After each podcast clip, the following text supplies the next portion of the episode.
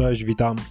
Meczem z Polfarmą Starogard Gdański, nieszczęsnym meczem z Polfarmą, e, zakończyliśmy pierwszą rundę sezonu 2020-2021 i co można o tym czasie powiedzieć?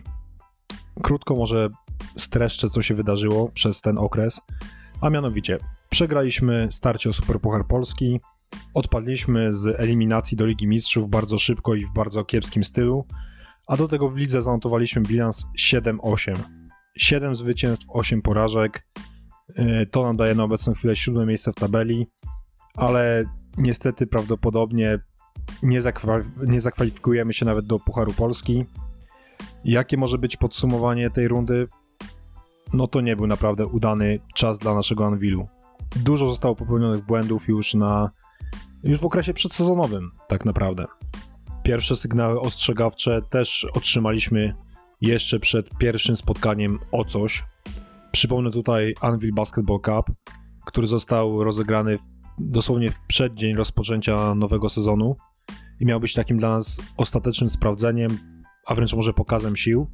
No ale niestety nie wyszło, bo najpierw nas wyraźnie pokonało, pokonała Arka Gdynia, a później przegraliśmy ze startem Lublin. Chociaż wiadomo, wtedy ja sam nawet myślałem, że spokojnie to tylko sparingi, nie ma co wyciągać zbyt pochopnych wniosków. I tak, pierwsze nasze starcie, takie na poważnie, to był mecz o Super Puchar Polski za Stalem. Oj, to była brzydka koszykówka, wręcz brudna koszykówka. Mam nadzieję, że nie będę już musiał oglądać tego meczu nigdy w życiu, bo nie było czym się za bardzo zachwycać. I w tych warunkach Zastal okazał się drużyną lepszą, wygrał zasłużenie, ale jak mówię, oba zespoły nie zachwyciły, więc spokojnie nie było co jeszcze bić na alarm. W pierwszej kolejce ligowej do Włocławka zawitała Stal Ostrów Wielkopolski i tym razem to żółto-niebiescy musieli wyraźnie uznać naszą wyższość i to cieszyło na tamten czas, bo Stal przecież przed sezonem dokonała bardzo ciekawych wzmocnień, bardzo ciekawych transferów i miała naprawdę spore ambicje, aby zawalczyć o coś dużego w tej naszej lidze. Więc mieliśmy prawo do radości, do optymizmu, tylko że kurde, mało kto wiedział na tamten dzień, że Stal wówczas miała jeszcze większe problemy niż Anvil. W kolejnych spotkaniach te nasze problemy wręcz wypłynęły na wierzch. Zaczęło się od wyjazdowego starcia ze startem Lublin. Mogliśmy, a wręcz powinniśmy ten mecz wygrać, ale ostatecznie przegraliśmy. A później, później było tylko gorzej. Przegrywaliśmy wiele spotkań, których nie, których nie wypadało po prostu przegrać, których nie powinniśmy przegrać, a mimo wszystko to my schodziliśmy z parkietu na tarczy. Nie wspomnę już nawet o takich meczach, albo właśnie wspomnę o takich meczach jak z MKS-em Dąbrowa Górnicza czy z Polfarmą Starogard Gdański. To dwa przykłady drużyn, które zawitały do Włocławka. Podejmowaliśmy ich w naszej hali. Dwa zespoły z naprawdę z dolnych rejonów tabeli. MKS przyjechał do nas po okresie bodajże prawie roku bez zwycięstwa. Polfarma przyjechała do nas z jednym zwycięstwem ligowym. I co? I oba te mecze nasz Anvil przegrał.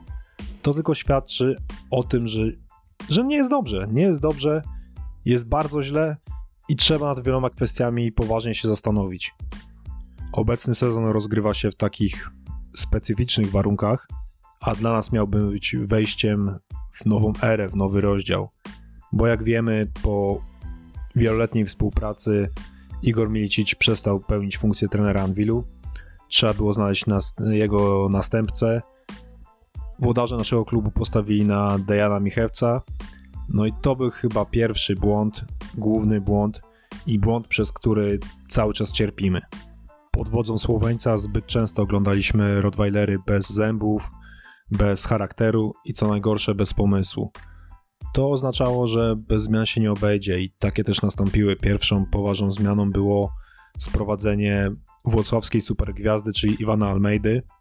To było takie światełko w tunelu dla nas, dla kibiców Anwilu. I faktycznie na początku wydawało się, że coś z tego będzie, bo w swoim debiucie El Condor poprowadził nas do zwycięstwa z GTK Gliwice, ale szybko wyszło na jaw, że jeden Almeida tak naprawdę niczego nie zmieni. Jest zawodnikiem świetnym, genialnym, bardzo pomoże, ale koszykówka to sport zespołowy. Szybko pewne nasze demony wróciły i potrzebne były kolejne zmiany. Tym razem padło na Dejana Michewca. Michew został zwolniony, jego miejsce zajął dotychczasowy asystent, czyli Marcin Woźniak. Drużyna szybko zmieniła swoje oblicze w pewnych elementach i zadziałał chyba również efekt tak zwanej miotły, bo pokonaliśmy Legię Warszawa. Jednak szybko znowu wróciliśmy do naszej takiej krainy rozczarowań. Końcówka rundy jeszcze była dość obiecująca, bo może nie zachwycaliśmy stylem, ale przynajmniej odnosiliśmy wyniki. Mieliśmy trzy zwycięstwa rzędu, pokonaliśmy Hydrotrak Radom, Arkę Gdynia, Śląsk Wrocław, co jest bardzo na pewno budujące.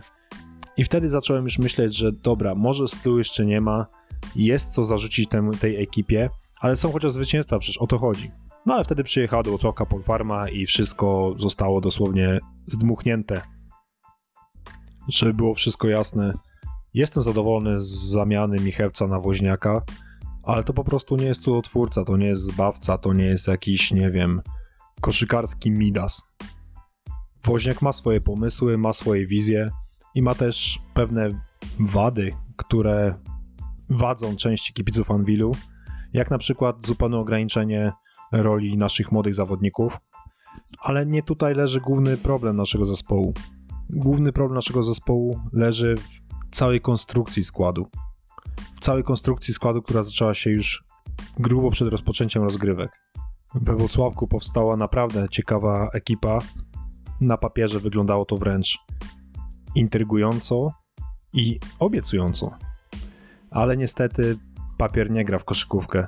A koszykówka to jest taki sport, że nazwiska czasami potrafią niknąć w obliczu zespołowości, w obliczu siły zespołu.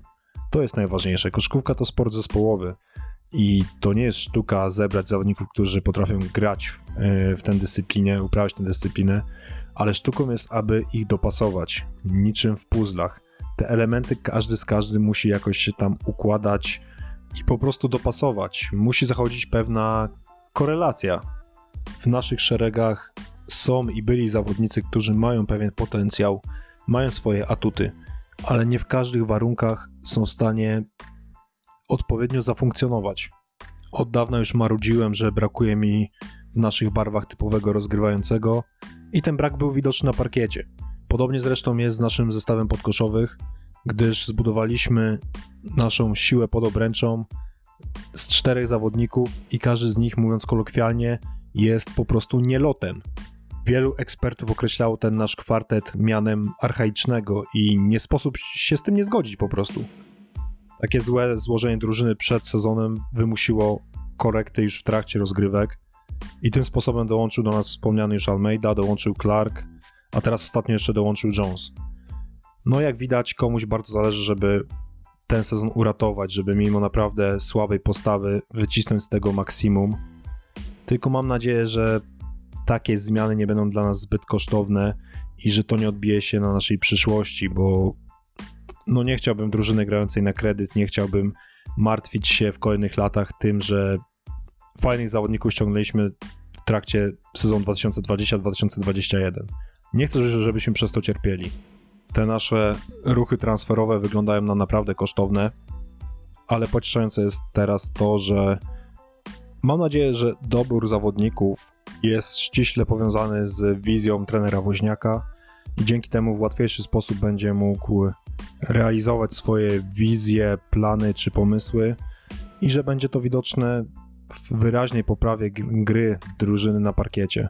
Trzeba przyjąć te zmiany po prostu jako coś, co było konieczne, konieczne, aby uratować ten sezon, bo my we Wrocławku nie myślimy o czymś innym, tylko myślimy o zwycięstwach.